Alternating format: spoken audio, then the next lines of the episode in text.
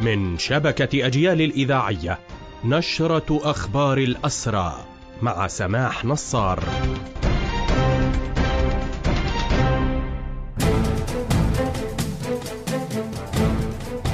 أهلا ومرحبا بكم. إلى هذا اللقاء. عشرون مواطنا على الأقل طالتهم حملة الاعتقالات اليومية في الضفة منذ مساء أمس وحتى صباح اليوم بينهم طفل وأسرى سابقون.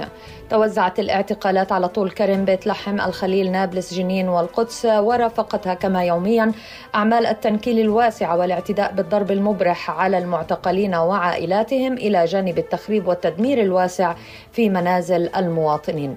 حصيلة الاعتقالات منذ السابع من أكتوبر ترتفع إلى نحو 7040 معتقلا. هذه الإحصائية تشمل من جرى الإفراج عنهم لاحقا. أما بخصوص حملة الاعتقالات وما أسفر أسفرت عنه من ارتفاع أعداد الأسرى في سجون الاحتلال فقد أصبح عدد الأسرى في داخل السجون ما يزيد عن عشرة آلاف.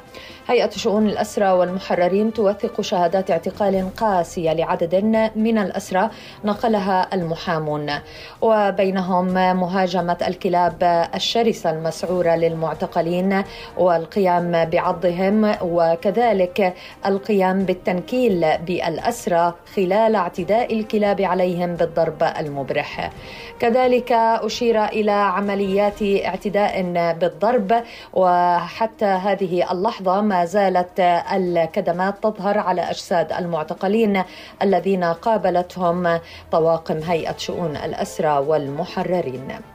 في أخبار هذه النشرة نعت هيئة شؤون الأسرى والمحررين ونادي الأسير الحاجة سعاد البرغوثي أم أكثم والدة الأسير إصرار البرغوثي الذي أفرج عنه في يناير المنصرم بعد أن أمضى 15 عاما في سجون الاحتلال ثم أعاد الاحتلال اعتقاله مجددا في الحادي والثلاثين من أكتوبر الماضي.